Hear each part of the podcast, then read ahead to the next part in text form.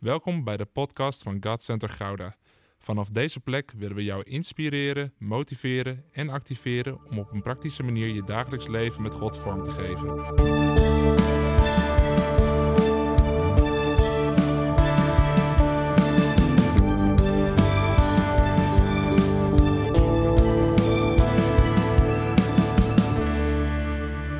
De boodschap van vandaag is een profetisch woord voor het nieuwe jaar.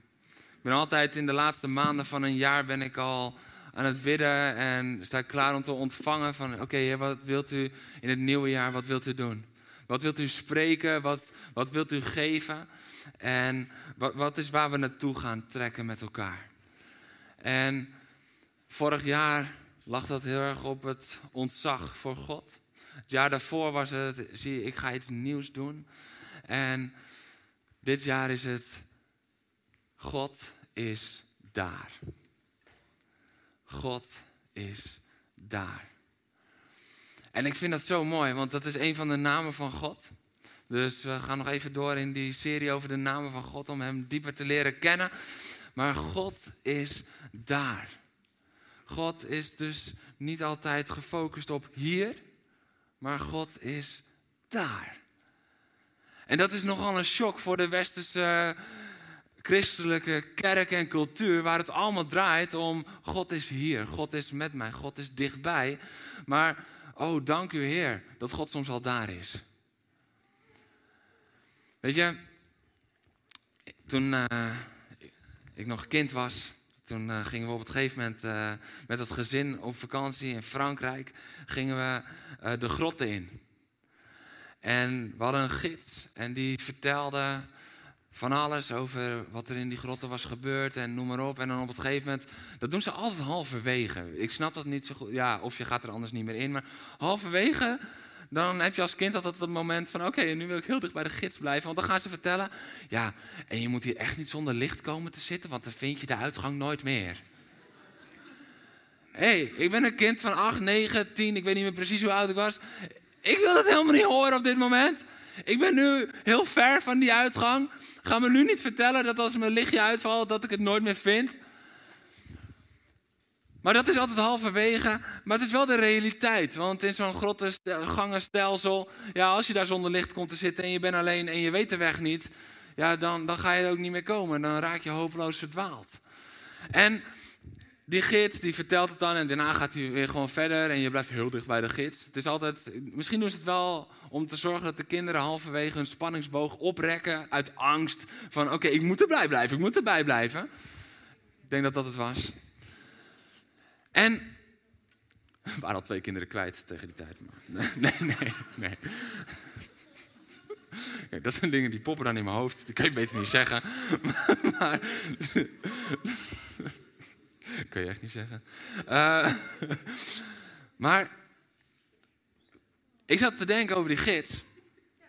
En, en toen dacht ik, ik heb liever een gids die zegt, hey, ik loop de hele tijd voorop. Maar ik ben hier al 831 keer geweest. En ik ga voor je uit en volg mij. Als een gids die zegt, hé hey, maar ik ben met je. Ik ben met je. En dat je op een gegeven moment vraagt, waar moeten we nu heen? En het zegt, ja, dat weet ik ook niet. Het is de eerste keer. Wat hebben we liever? Een gids die voorop loopt en misschien iets verder weg voelt af en toe, maar waar je de zekerheid hebt, hey, hij weet waar hij het over heeft of zij weet waar ze het over heeft. En diegene gaat voorop en als je gewoon volgt, dan zit het goed. Of verlangen we naar die gids die het misschien wel helemaal niet zo goed weet en die zegt, maar ik ben bij je. Ik ben bij je. Dus we gaan samen hier doorheen. Geen idee waarheen, maar we doen het samen. Nou, we zijn soms zo vol van God bij mij dat we vergeten dat God ook voor ons uitgaat. God is daar. En dat is een hele grote zegen voor ons leven. Want stel dat God alleen maar met ons zou zijn. We hebben het gevierd met kerst. God met ons, en dat is 100% waar, maar hij is meer als dat alleen dan zouden we elke situatie ingaan met dat God ook nog moet doen wat hij moet doen om door die situatie heen te komen. Maar God is daar, betekent dat hij al door de situatie heen is gegaan. God is daar. Waar je ook doorheen gaat, afgelopen jaar of komend jaar, je weet dat God er al is geweest. Wat een rust en een vrede geeft dat.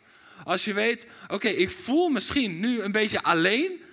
En vorige keer voelde ik me heel erg gedragen. En nu heb ik het idee dat ik alleen loop. Nou, misschien voelt dat dan even wat meer zo.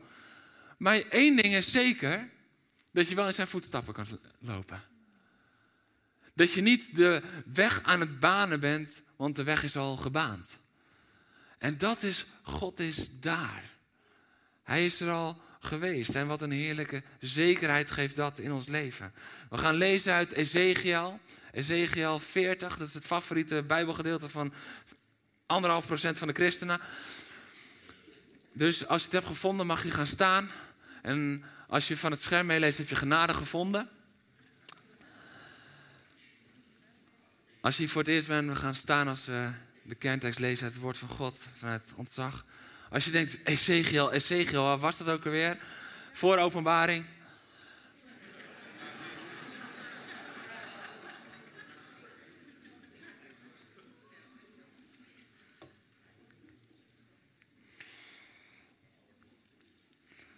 Ezekiel 40 vanaf vers 1. Op de tiende dag van de maand, aan het begin van de 25ste jaar van onze ballingschap. Het veertiende jaar na de val van de stad. Op precies de dag, die dag werd ik gegrepen door de hand van de Heer en weggevoerd. In een goddelijk visioen bracht hij me naar Israël en zette mij op een hele hoge berg. Aan de zuidkant was iets gebouwd wat op een stad leek. Hij bracht me erheen. In de poort stond een man die eruit zag alsof hij van brons was. Deze man had een linnen koord en een meetstok in zijn hand. Hij zei tegen mij, mensenkind, kijk nauwkeurig toe, luister aandachtig en let goed op bij alles wat ik je zal laten zien. Want je bent hierheen gebracht om dit te, te zien te krijgen. Alles wat je ziet, moet je aan de Israëlieten vertellen. Er was daar een buitenmuur die helemaal om de tempel heen liep. De meetstok die de man bij zich had was 6 L lang en per L een uh, handbreedte extra. Hij mat de muur op en het was één stok breed en één stok hoog. Dan maken we een sprongetje naar Ezekiel 48, vers 35. Dat is het laatste vers van het visioen. De omtrek van de stad bedraagt. Ik hoor heel veel geblader, sorry, ik ga veel te snel. Respect voor iedereen die een papieren Bijbel bij zich heeft, daar wachten we op. Halleluja. Als je niet doet aan goede voornemens, doe aan goede voornemens. En neem een papieren Bijbel mee in het nieuwe jaar. De omtrek van de stad bedraagt 18.000 L. Voortaan heet de stad, de Heer is daar. Yahweh, Shama, Jehovah, Shama. Amen. Je mag gaan zitten.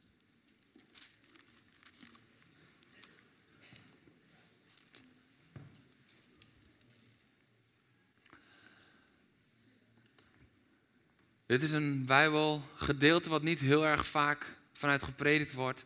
Er uh, wordt niet heel vaak over gesproken. Maar het is een heel prachtig profetisch beeld. Geloof voor het komende jaar specifiek, maar ook al naar wat er komen gaat voorbij deze wereld. Gaan we straks nog even induiken. Dus vandaag wordt aan de ene kant, dat is een beetje gekke uh, opzet misschien, maar heel profetisch. En straks wordt het ook even een klein beetje studie.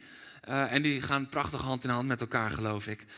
Um, maar Israël bevindt zich in de ballingschap. Ze zijn weggevoerd, eigenlijk gewoon als gevolg van hun zonde, van alles wat ze hebben gedaan. Ze zijn niet trouw geweest aan God en God heeft ze in ballingschap laten wegvoeren. Waarom? Uiteindelijk met, met op het oog dat ze weer terugkomen bij Hem. Hij heeft op het oog uiteindelijk het welzijn van zijn kinderen en hij laat toe dat andere volken dan ballingschap over ze voeren en ze wegvoeren. En dit is het 25ste jaar, staat er, van de in totaal 70 jaar. Dus er is nog 45 jaar te gaan. Dat is even belangrijk om te beseffen. Want Ezekiel krijgt hier een beeld en alles tussen hoofdstuk 40 en hoofdstuk 48 in is dat beeld. En dat gaat heel specifiek worden en alles. Maar dat is een beeld voor over zoveel jaar. Ja, jullie zullen terugkomen. En aan de ene kant is het zelfs een beeld wat nog steeds volbracht moet worden. Maar daar gaan we straks op komen. Maar het is ook een beeld van, hey, volk van God, Israël, het komt goed. Jullie gaan terugkomen en Jeruzalem gaat herbouwd worden. En de tempel gaat herbouwd worden. En jullie gaan terugkomen. En God is daar. Dus hoewel het nog 45 jaar gaat duren, God is daar. Dat is de naam van die stad alvast. En dat is het beeld dat hij krijgt en wat God dan zegt. Want alles wat je ziet, moet je aan de Israëlieten vertellen. Er staat er niet, dat moet je gaan vertellen als ze helemaal terug zijn. Nee, dat moet hij nu al gaan vertellen. Dus wat is hierin het grote beeld dat God wil laten zien wat hij gaat doen. En dat hij zijn aanwezigheid al koppelt aan de plek waar hij ze gaat brengen voordat zij daar zijn. God is daar. Heeft God ze dan helemaal verlaten? Is God dan niet met ze daar?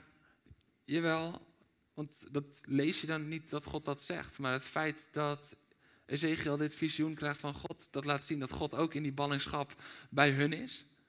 Maar tegelijkertijd dat het ook God is daar is. Dus als je bang bent voor het komende jaar, wat er komen gaat, weet God is daar. Als je bang bent voor de situatie waar je nu in zit, omdat je niet weet hoe je erin moet dealen, hoe je erin moet handelen. Je bent op zoek naar wijsheid en je weet het nog niet. God is daar. Hij is voorbij de situatie waar je nu bent. En dat is de zekerheid dat je door de situatie heen gaat komen. Dat is de 100% zekerheid. Dat Hij daar al is. Als Hij alleen met ons zou zijn zoals die gids. En zegt, ik ben bij je. Ik weet het ook nog niet. We gaan het wel zien ja, dan is elke stap spannend.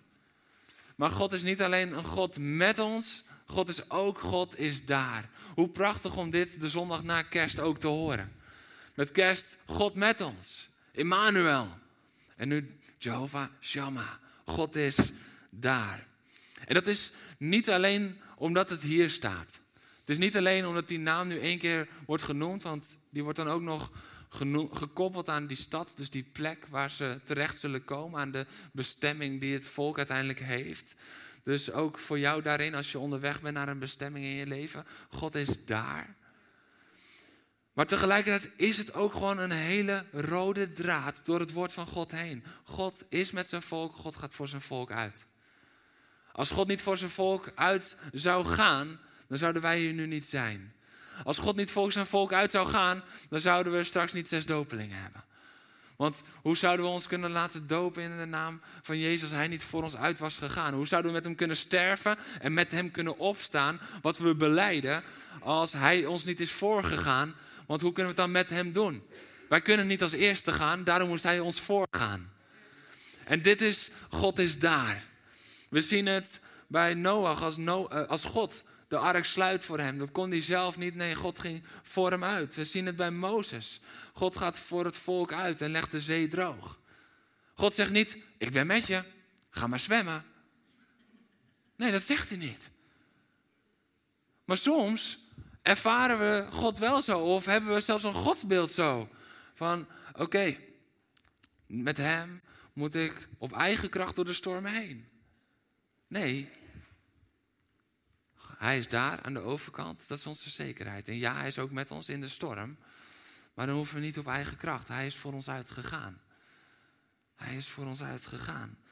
Met Jozua gaat God ver voor het volk uit, want hij legt de stroming van de Jordaan kilometers verderop, legt hij de stroming al stil. En op het gegeven moment wordt het droog, wordt het droog, wordt het droog. Kilometers verderop, bij een andere plaats, daar legt hij de stroming stil. En het wordt droger, droger, droger. Hij is voor ze uitgegaan. Gideon. God gaat voor het leger uit en verslaat de Midianieten. Ze hoeven helemaal geen slag te leveren. Het is God die voor ze uitgaat. Bij koning Jozefat. Het leger komt eraan en iedereen ligt daar al dood in het dal. Oké. Dit had ik niet verwacht. Nee, maar dat is omdat God voor je uit is gegaan. Iedere keer als je verbaasd bent dan is het goed om even stil te staan en te denken: oké, is dit zomaar of is dit God die voor me uit is gegaan? Als je een zegen ontvangt. We zijn zo goed in dingen als van, nou wat toevallig, te bestempelen. Waarom gebeuren er zo weinig wonderen in Nederland? Niet omdat ze niet gebeuren, maar omdat we ze overberedeneren. heb dit verhaal wel eens verteld, maar doe het toch, omdat het gewoon heel erg past. Nog een keer. Ik weet nog dat toen mijn opa nog leefde, hij had een verwijding in de aorta. En ehm, ik, ik, ben nooit zo heel goed met die getallen, maar in ieder geval het was, was 5,4 was zeg maar uh, echt een grens van oké, uh, als hij zoveel verwijt is, dan moet er een operatie komen. Maar ja, op zijn leeftijd was hij al echt levensgevaarlijk. En bij die meting was het 5,9. Dus dat was levensgevaarlijk en de artsen, maar ja, eigenlijk durfden ze niet meer echt te opereren, want zijn gezondheid was niet meer helemaal goed en alles. Dus wat doen we als familie? We gaan natuurlijk voor hem bidden. We gaan bidden, Heer, wilt u zijn hart genezen? Wilt u die aorta doen slinken? Wilt u daar een wonder doen? En wat gebeurt er? Ze gaan een extra meting doen, omdat ze zo twijfelen van, kan deze man nog wel zo'n grote hartoperatie aan? En bij die meting is het nog maar 5,1. Dus van 5,9 naar 5,1. En toen was het integrale antwoord van de doktoren: hiermee kan hij de laatste levensjaren prima door. En we hoeven niet te opereren. Wat denk je dat de reactie was van mijn familie? Gloria aan God!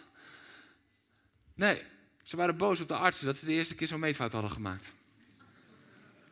Ja, als we, als we zo blijven denken, en als we zo alles weg blijven beredeneren, dan ga je God eens daar niet zien. Want God was daar al. En wij zagen op dat moment dat hij daar was. En op dat moment zeggen we van, nou, die doktoren. Dit is wat er zoveel gebeurt. We moeten God weer leren zien in de situaties. Omdat we anders niet snappen wat hij allemaal doet. God die heeft niet gezegd van oké, nou in deze eeuw doe ik in Afrika veel meer wonderen en tekenen als in Europa. We zijn gewoon een moeilijke volk.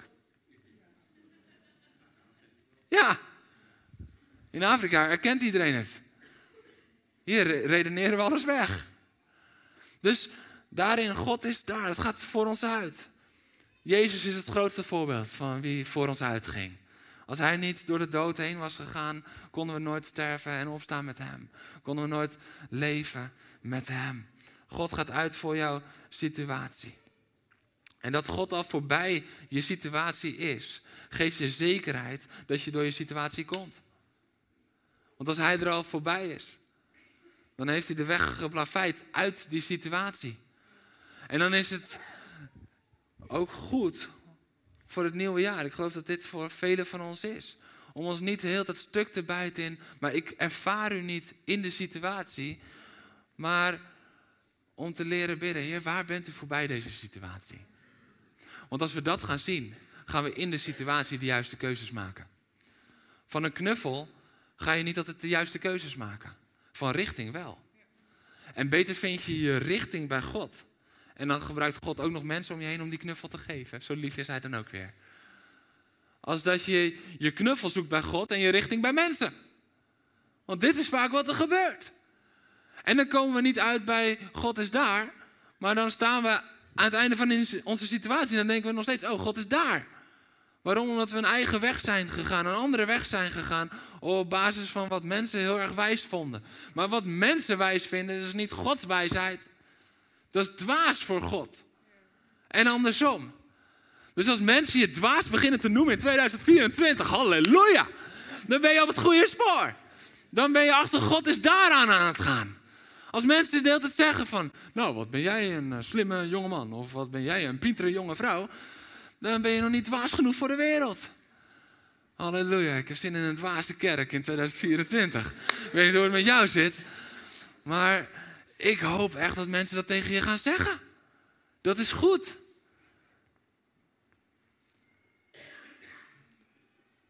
Ik zie sommige mannen denken van, ik kan nu gewoon heel veel domme beslissingen maken, wat heerlijk. Dat is niet de essentie van dit verhaal. Dat is niet de essentie.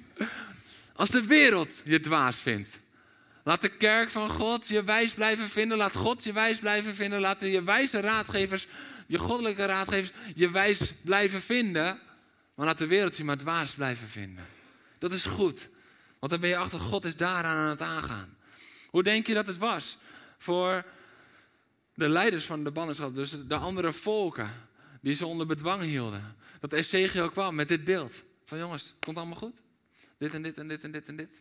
Ik heb dit gezien. Tot in detail. Ik heb dit gezien. God heeft het al gezegd. En het duurt nog een jaar. En het duurt nog een jaar. En het duurt nog een jaar. En het duurt nog een jaar. En dat kan ik 45 keer zeggen, maar dat duurt te lang. Dus 45 jaar later komen ze pas terug. Was het dwaas menselijk gezien om het dan al te zeggen? Ja? Want de spanningsboog van mens en het vertrouwen van de mens duurt over het algemeen niet 45 jaar.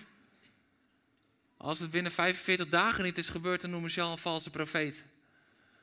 Dus hoe denk je dat het voor Ezekiel was? Die had sowieso een bijzondere bediening, moet je maar eens lezen. Heel bijzonder. Daar word je dankbaar van. Over dankbaarheid gesproken net. Als je dankbaarheid mist in je leven, ga Ezekiel lezen. Dan word je gewoon vanzelf weer dankbaar. Maar dit is zo belangrijk. Dit is zo essentieel. Hij moest het al zeggen. Hij moest het volk voorbereiden op wat er zou gaan komen. Omdat als ze niet voorbereid zouden zijn, als ze zich niet klaar zouden hebben gemaakt, dan zouden ze niet klaar zijn om de tempel, om de stad, om het, om het land weer te herbouwen. De belofte van God is dat Hij je zal brengen op de plaats waar Hij over spreekt in je leven. Ook als het wat langer duurt dan dat je had gedacht. Ook als het wat anders gaat dan dat je had gedacht. God is daar. Hij is ook met jou. Halleluja. Maar hij is voor je uitgegaan.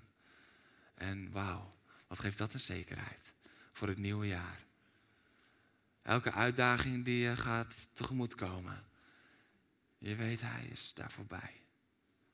En dan hoef je niet te bidden, Heer, kan ik dit wel aan? Maar dan kan je bidden, Heer, hoe is uw weg? Wat is uw richting? Wat is uw focus? En leer mij uw focus te hebben.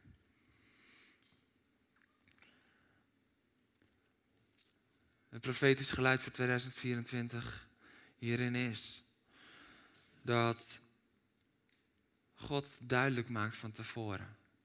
En ik proef afgelopen half jaar al dat God zo profetisch steeds meer aan het spreken is. Dat hij in Nederland steeds meer dingen aan het opschudden is. En dat er een doorbraak aankomt. En ik ga niet zeggen dat het in 2024 gaat gebeuren. Misschien wel. Misschien is het nog niet zijn tijd. Ik laat het daar. Ik laat het bij de Heer. Maar wat ik wel weet, is dat hij ons aan het voorbereiden is. En dat hij tegen ons aan het spreken is. En dat hij ons wil bepalen bij God is daar. En als wij niet nu daarin gaan stappen, dan zullen we niet in geloof durven wandelen. Wat we in komend jaar al nodig hebben. Om te komen op het punt dat hij zegt: En nu is de tijd om op die plek te zijn. Want je moet klaarstaan. Je moet klaar zijn. Als alles nog gefaciliteerd en geregeld en klaargemaakt moet worden op het moment dat hij zegt: En nu is de tijd, dan zijn we te laat. Dus beter bereiden we ons voor. Beter we ons helemaal klaar voor wat Hij wil gaan doen. En dat is daar.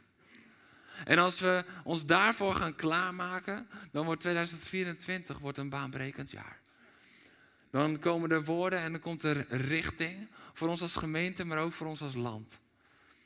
Ik vind het zo bijzonder dat de afgelopen drie jaar, iedere keer, de teksten en de woorden die ik ontving voor een nieuw jaar, die zag ik één voor één in de andere grote gemeentes in, in Nederland zag ik ook oppoppen. En het was gewoon één geluid. En ik geloof dat God dat wil gaan intensificeren. En dat het intenser gaat worden. En dat dat wat Hij wil doen in Nederland, dat het dichterbij komt.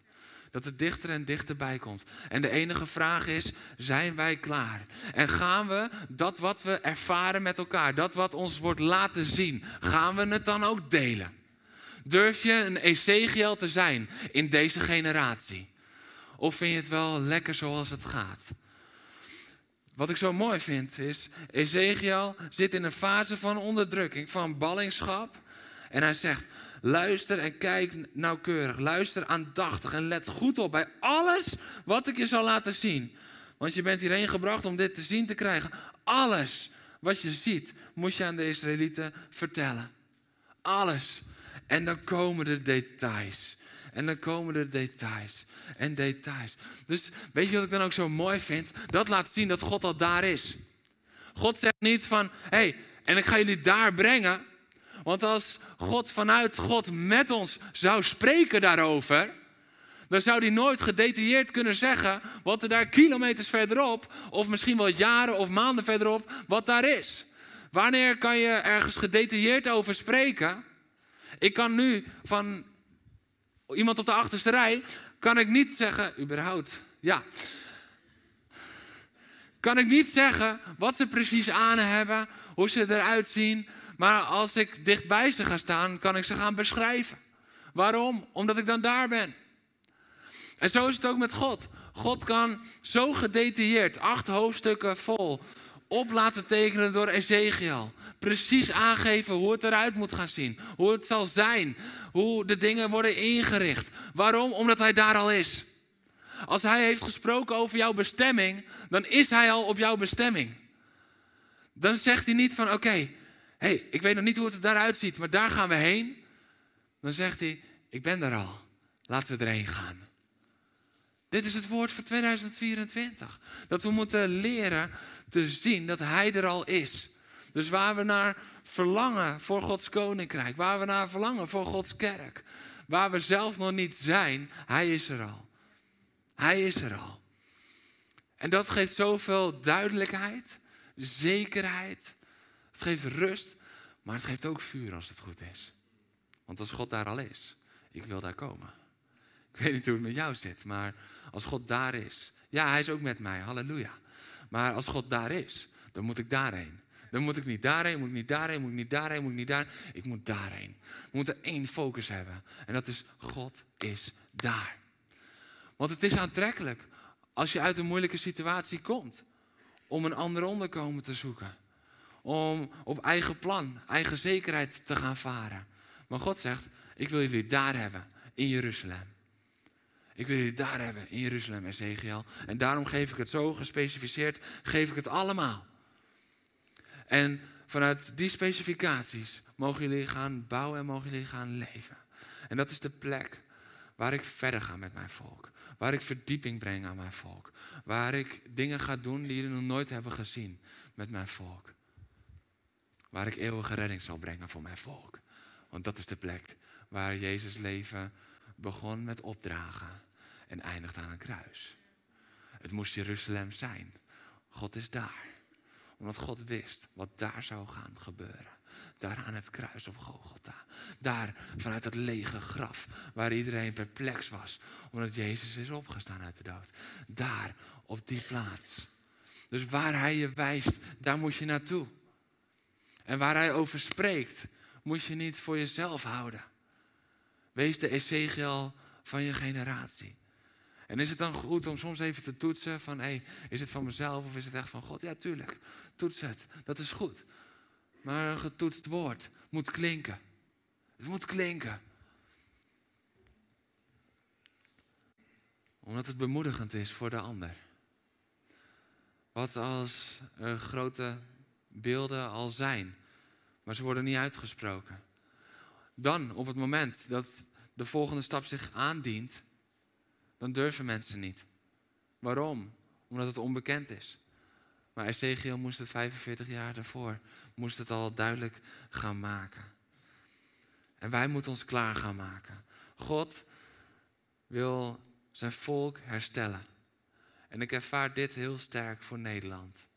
Dat de kerk van Nederland en dat het volk van Nederland eh, afgelopen, jaar, afgelopen jaren steeds meer in een soort ballingschap is gekomen een ballingschap is gekomen van meningen, van invloeden die niet oké zijn, van duistere machten.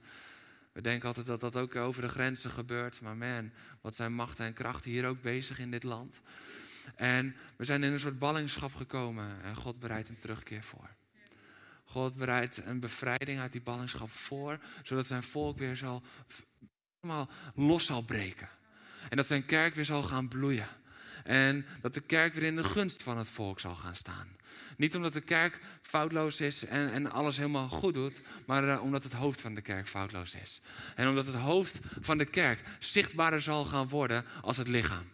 En dat het lichaam in alles wat het lichaam doet, het hoofd weer zal verheerlijken. Jezus Christus alleen. Alles draait om zijn naam. Alles draait om Christus. Het draait niet om de kerk. Nee, de kerk is het werk van Christus. Het lichaam van Christus. Om de mensen Christus bekend te maken. En we moeten niet passief zijn. We moeten niet denken van oké, nou, hey, inderdaad, wereldwijd is een grote chaos, maar hier is het rustig. Dat Nederland een best veilig landje is, dat is misschien wel een van de grootste gevaren voor de kerk van Christus. Dat is een van de grootste gevaren. Want daardoor wordt er zoveel urgentie gemist van wat er geestelijk allemaal plaatsvindt. We kunnen niet blijven doen alsof er niks aan de hand is. Er gebeurt zoveel op dit moment. Wereldwijd. Dus ook hier in de geestelijke gewesten. Er is een geestelijke strijd daarin bezig. En ja, de eindoverwinning is duidelijk. Maar er worden nog wel slachtoffers gemaakt. En we zijn geroepen om op te staan. We zijn geroepen om sterk te zijn. We zijn geroepen om slachtoffers bij de hand te pakken en een herstel te brengen in Jezus' naam. We zijn geroepen om verlorenen binnen te trekken, het eeuwig leven in in Jezus' naam. Het is tijd dat we wakker worden. De instructies, de verdelingen, de afmetingen, dat is wat we allemaal zien in die andere hoofdstukken. Tussen die eerste versen en de laatste versen in. Het volk moest de wil van God leren kennen voordat ze kwamen op de plaats van de belofte. Als je de wil van God niet kent, dan ben je niet klaar om op die plaats van God is daar te komen. Omdat je er niet naar kan handelen, terwijl het zo essentieel is dat we de wil van God daarin volgen. We moeten ons voorbereiden op wat komen gaat. En dan maakt het niet uit of het in 2024, 25 of 26 doorbreekt. Het maakt uit of we er klaar voor zijn. Het maakt uit of we helemaal klaar voor staan. Staan we in de startblokken? Is de Heilige Geest brandend in ons? Of is het nog net een waakvlammetje? Waar als er dingen gebeuren waar je ter nauwe nood nog mee kan komen? Of kan je gaan? Kan je ervoor gaan? Omdat dat vuur al brandt.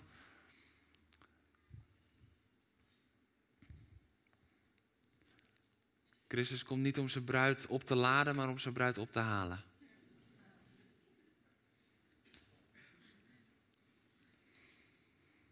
God is daar. Spreek niet over kom er op handen en voeten en ga aan, aan een powerbank. Nee. Het spreekt erover dat je opgeladen en bekrachtigd daar aankomt. En omdat je daar krachtig aankomt, dat je daar de wil van de Vader kan doen. En dit is een groot verschil.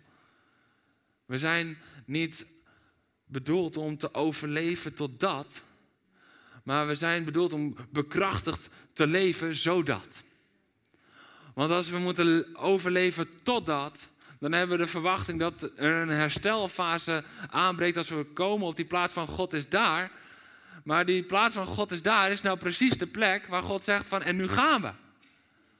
Dus beter ben je al hersteld en ben je bekrachtigd en ben je al helemaal opgeladen als je eraan komt. Dus zorg dat je daarin het punt niet mist van 2024.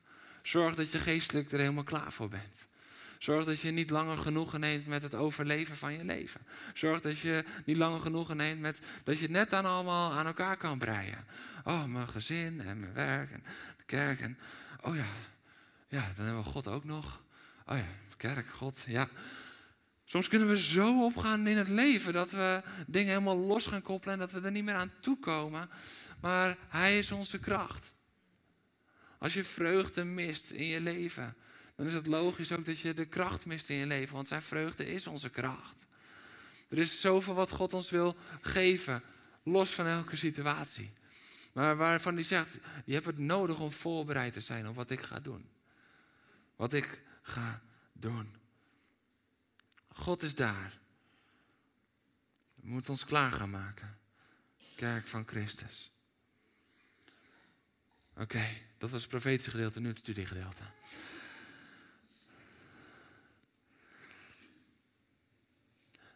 Wat zo mooi is, dat geeft kracht voor vandaag. En het geeft zekerheid en hoop voor de toekomst. Want dat beeld van Ezekiel, in Ezekiel 40 tot en met 48, daar zien we heel veel zaken die we in Openbaring 21 terug zien komen. Bij het Nieuw Jeruzalem. En dat is zo mooi. Dus het is al deels vervuld toen het volk terugkwam. En toen Jezus daar geboren werd. En toen Jezus daar gekruisigd werd. En toen hij daar opstond. Er is een deel is er al vervuld van dat beeld. Maar een deel wijst ook verder vooruit. Want Jezus kwam één keer naar de aarde. En Jezus zal terugkomen voor zijn bruid. En als er dan een nieuw Jeruzalem zal komen. Dan zo mooi. Ezekiel spreekt over die stad. God is daar. En in Openbaring 21, vers 3 voor de nalezers. Daar staat in een nieuw Jeruzalem en God woont daar onder de mensen. God is daar. God woont daar onder de mensen. Hoe prachtig is dat, die zekerheid. En dan hoeft hij ons niet meer te wijzen naar een volgende plek, want dat is de eindbestemming. Hoe mooi om daar samen te zijn. En wat, wat zo mooi is, alles klopt daarin, want de Heer neemt hem mee naar een hele hoge berg. Ezekiel wordt op een hele hoge berg geplaatst. In openbaring 21 vers 10 staat dat Johannes op een hele hoge berg geplaatst wordt. Dus hetzelfde vindt daar plaats. De man met de meetlat in Ezekiel is degene met de gouden meetstok in openbaring 21 vers 15. In Ezekiel wordt er gesproken uiteindelijk over twaalf poorten. En openbaring in 21 vers 12 spreekt over de twaalf poorten in de muur. Het is al een beeld van wat er komen gaat. In Ezekiel is de stad vierkant van vorm. En de stad heeft vier gelijke zijden. In openbaring 21 vers 16. Dus God heeft de profetie van Ezekiel, wat Ezekiel zag, heeft hij al deels vervuld. En uiteindelijk zal de ultieme vervulling, zoals in Openbaring 21 gesproken wordt, zal plaatsvinden wanneer Jezus terugkomt. En wanneer het nieuw Jeruzalem zal doorbreken. Op dat moment. En zo mogen we ook bemoedigd zijn voor vandaag de dag. Dat als we al grote schaduwen vervuld zien worden, dat we soms misschien helemaal gefrustreerd kunnen zijn van, maar waarom zien we nog niet alles 100%? Daar is openbaring 21. Dat is niet omdat God niet trouw is. Dat is niet omdat hij niet zal volbrengen wat hij heeft gezegd. Maar dat is omdat nu grotendeels al dingen zichtbaar worden. Maar dan zal alles zichtbaar zijn. Christus die zegt in Matthäus 28, mij is alle macht gegeven hier in de hemel en op aarde. En tegelijkertijd is er ook nog de realiteit van gebrokenheid. Dus is er al vervuld? Ja, er is al vervuld.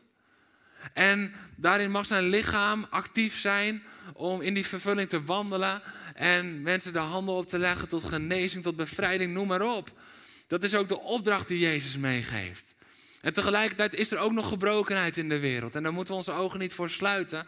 Want als we dat tijdelijk onze ogen voor sluiten, uiteindelijk raken we dan gefrustreerd en breekt het iets in ons godsbeeld. Maar als we erkennen van wauw, er is al zoveel reeds vervuld, maar de totale vervulling, openbaring 21, die zal zijn dan. Dan groeit ons vertrouwen, dan groeit ons geloof. Omdat ons geloof dan niet langer in het aanschouwen zit, maar omdat ons geloof dan gegrondvest verankerd. Ik hou mij vast aan Jezus. Hij is mijn anker in de strijd. Hij is mijn anker in mijn leven. Dat is dan gegrondvest in zijn naam in plaats van wat wij zien. En dat is ook zo mooi, want dat moest er ook gebeuren bij Ezekiel. Hij liet het hem al zien, maar daarna werd Ezekiel gewoon geconfronteerd met wat hij in het alledaagse leven zag. Daarom moest hij het gaan vertellen omdat anders zou het gaan opdrogen. Anders zou dit op een gegeven moment gaan terughouden. Waarom? Omdat je niet langer durft te spreken. Omdat de situatie die je ziet soms zo afwijkt van de situatie die God al heeft laten zien in de God is daar. Spreek er direct over. Spreek erover. Er is een reden dat Elia met zijn hoofd tussen zijn hurken ging zitten. Op het moment dat het nog strak blauwe lucht was. En hij zei: Er komt regen aan. Er komt regen aan en die arme knecht moest weer de heuvel op en weer af. En weer op en weer af. En die knecht die zal op een gegeven moment ook hebben gedacht van ja, het. Je kan zelf ook even een keertje kijken. Maar Elia wist, Elia wist dat als hij zelf zou gaan kijken, dat het zien van zijn natuurlijke ogen, het zien van zijn geestelijke ogen zou breken. Want die knecht die komt op het gegeven moment terug en er is een doorbraak, want er is een wolkje. Er is een wolkje. En dan zegt hij, maar het is maar als. Maar het stelt niks voor. Maar, dus als we te veel met onze natuurlijke ogen gaan kijken. En we erkennen daarin dus niet de God is daar, maar we zijn alleen zelf aan het kijken. Dan op het gegeven moment, als er dan een verandering begint door te breken, dan zeggen we, maar dat stelt niks voor. Ja, er, komt opwekking aan, maar het zijn er maar 10.000. Ja, er is iets aan het bewegen, maar het zijn er maar 300. Ja, ik weet, maar het is maar één gezin. De grootste opwekking uit de wereldgeschiedenis begon bij de opstanding van maar één man. Maar één man. En daarin zien we met Paulus weer maar één man. En hij omringt zich met mensen, dus we geloven daarin dat je niet als, als lonely wolf rond moet gaan. Nee, je moet je gaan omringen met mensen. Maar God spreekt, boem, één, één persoon. Eén persoon. Hij richt iedere keer weer één persoon op en hij doet er machtige grote dingen door. En die persoon krijgt dan de verantwoordelijkheid om mensen om zich heen te verzamelen, zodat het gezond blijft. Maar iedere keer als jij denkt, maar, dan moet je denken, maar één man. Maar ik leef door maar één man. Maar ik leef door maar één man. En die ene man, die heeft zijn leven gegeven. Die heeft zijn leven gegeven. Die is opgestaan waardoor ik ook met hem kan leven. Zodat ik niet alleen, alleen maar redding heb gevonden voor de eeuwigheid. Maar dat ik ook leven heb gevonden voor hier, nu hier nu op aarde. En die maar één man, die troont nu in de hemel. En die maar één man, die heeft ook nog zijn geest gezonden, zodat zijn kerk geboren werd en hij altijd in mij kan leven. Maar één man. Denk nooit meer klein over de doorbraak die je begint te zien. Denk niet terughoudend over datgene wat God is begonnen te doen. God is al daar, hij weet al, maar dit is de eerste stap. God was al voorbij die hele grote regenbui die er zou gaan komen. Maar hij begon met één klein wolkje. En Elia herkende het. Elia herkende het. Toen zei hij, nu moeten we wegwezen. Nu moeten we gaan. Want nu komt de regen. En in minder dan een moment, staat er dan. De busje mag erbij komen. In minder dan een moment. Dat is een slecht bruggetje. En in minder dan een moment begint het te hozen zoals ze niet hadden meegemaakt. Begint het te regenen. God was daar al. Maar God was er ook al toen de lucht nog strak blauw was. God is daar.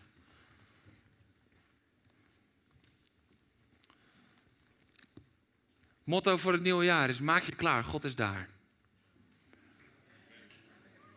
Dat is het motto. Maak je klaar, God is daar. God hoeft niks meer klaar te maken als hij daar al is. Oh, heel vaak bidden we, oh Heer, wilt u? Ik geloof dat God soms heel eerbiedig uit de hemel terugpraat. Zou jij niet eens? Maar dat verstaan we dan niet, want dan zijn we afgeleid. Heer, wilt u? Nee. Heer, laat mij zien waar u al bent. Ik maak me klaar. Ik maak me klaar. Dat is net als Jozua, dat God tegen Jozua zegt. Laat het volk zich heiligen. Waarom? Maak je klaar. Waarom? Want morgen gaat de Heer in uw midden wonderen doen. Ik weet niet wanneer de grote morgen is als het gaat om het profetische beeld. Maar ik wil klaarstaan en niet alleen. Ik wil dat we klaarstaan. Ik wil dat we dan als lichaam, als kerk van Christus met elkaar optrekken en dat er niemand achterblijft. Ik wil dan dat we omringd zijn van elkaar. Dat we als één kudde gaan met elkaar. En dat het niet zo is van oké, eh, het is de helft. Zoals met de maagden die aan het wachten waren. De helft had nog olie, de helft had het niet. Oh Heer, laat het niet zo zijn dat de helft zonder olie zit. Maak je klaar.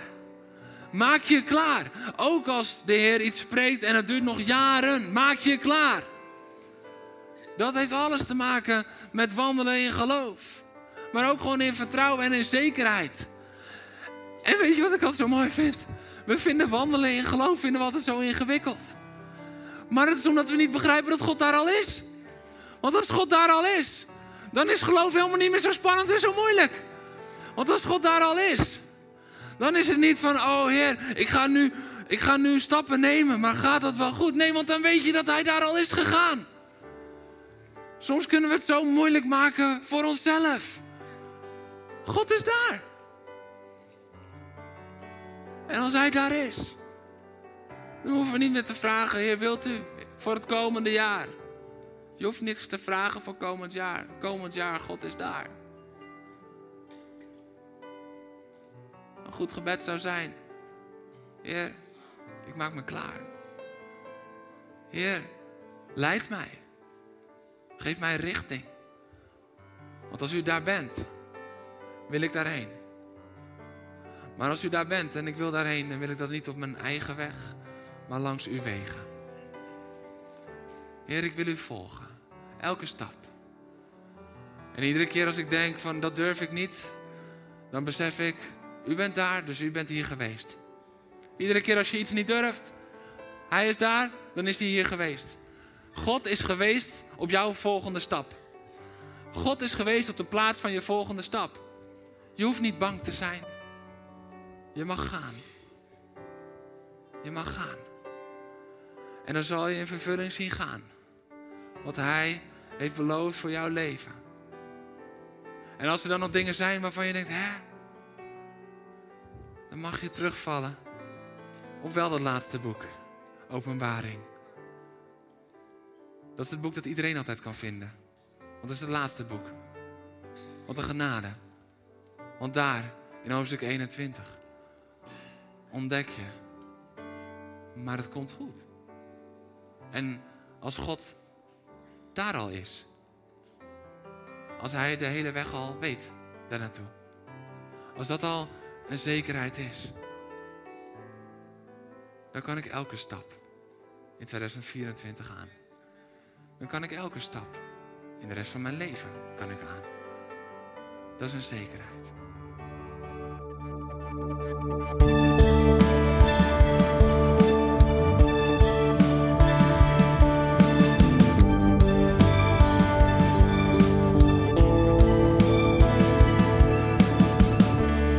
Bedankt voor het luisteren naar deze podcast. Volg ons op onze kanalen om verbonden te blijven. Heeft deze aflevering jou geraakt? Deel dan op je socials en tag ons, zodat we samen meer mensen kunnen bereiken.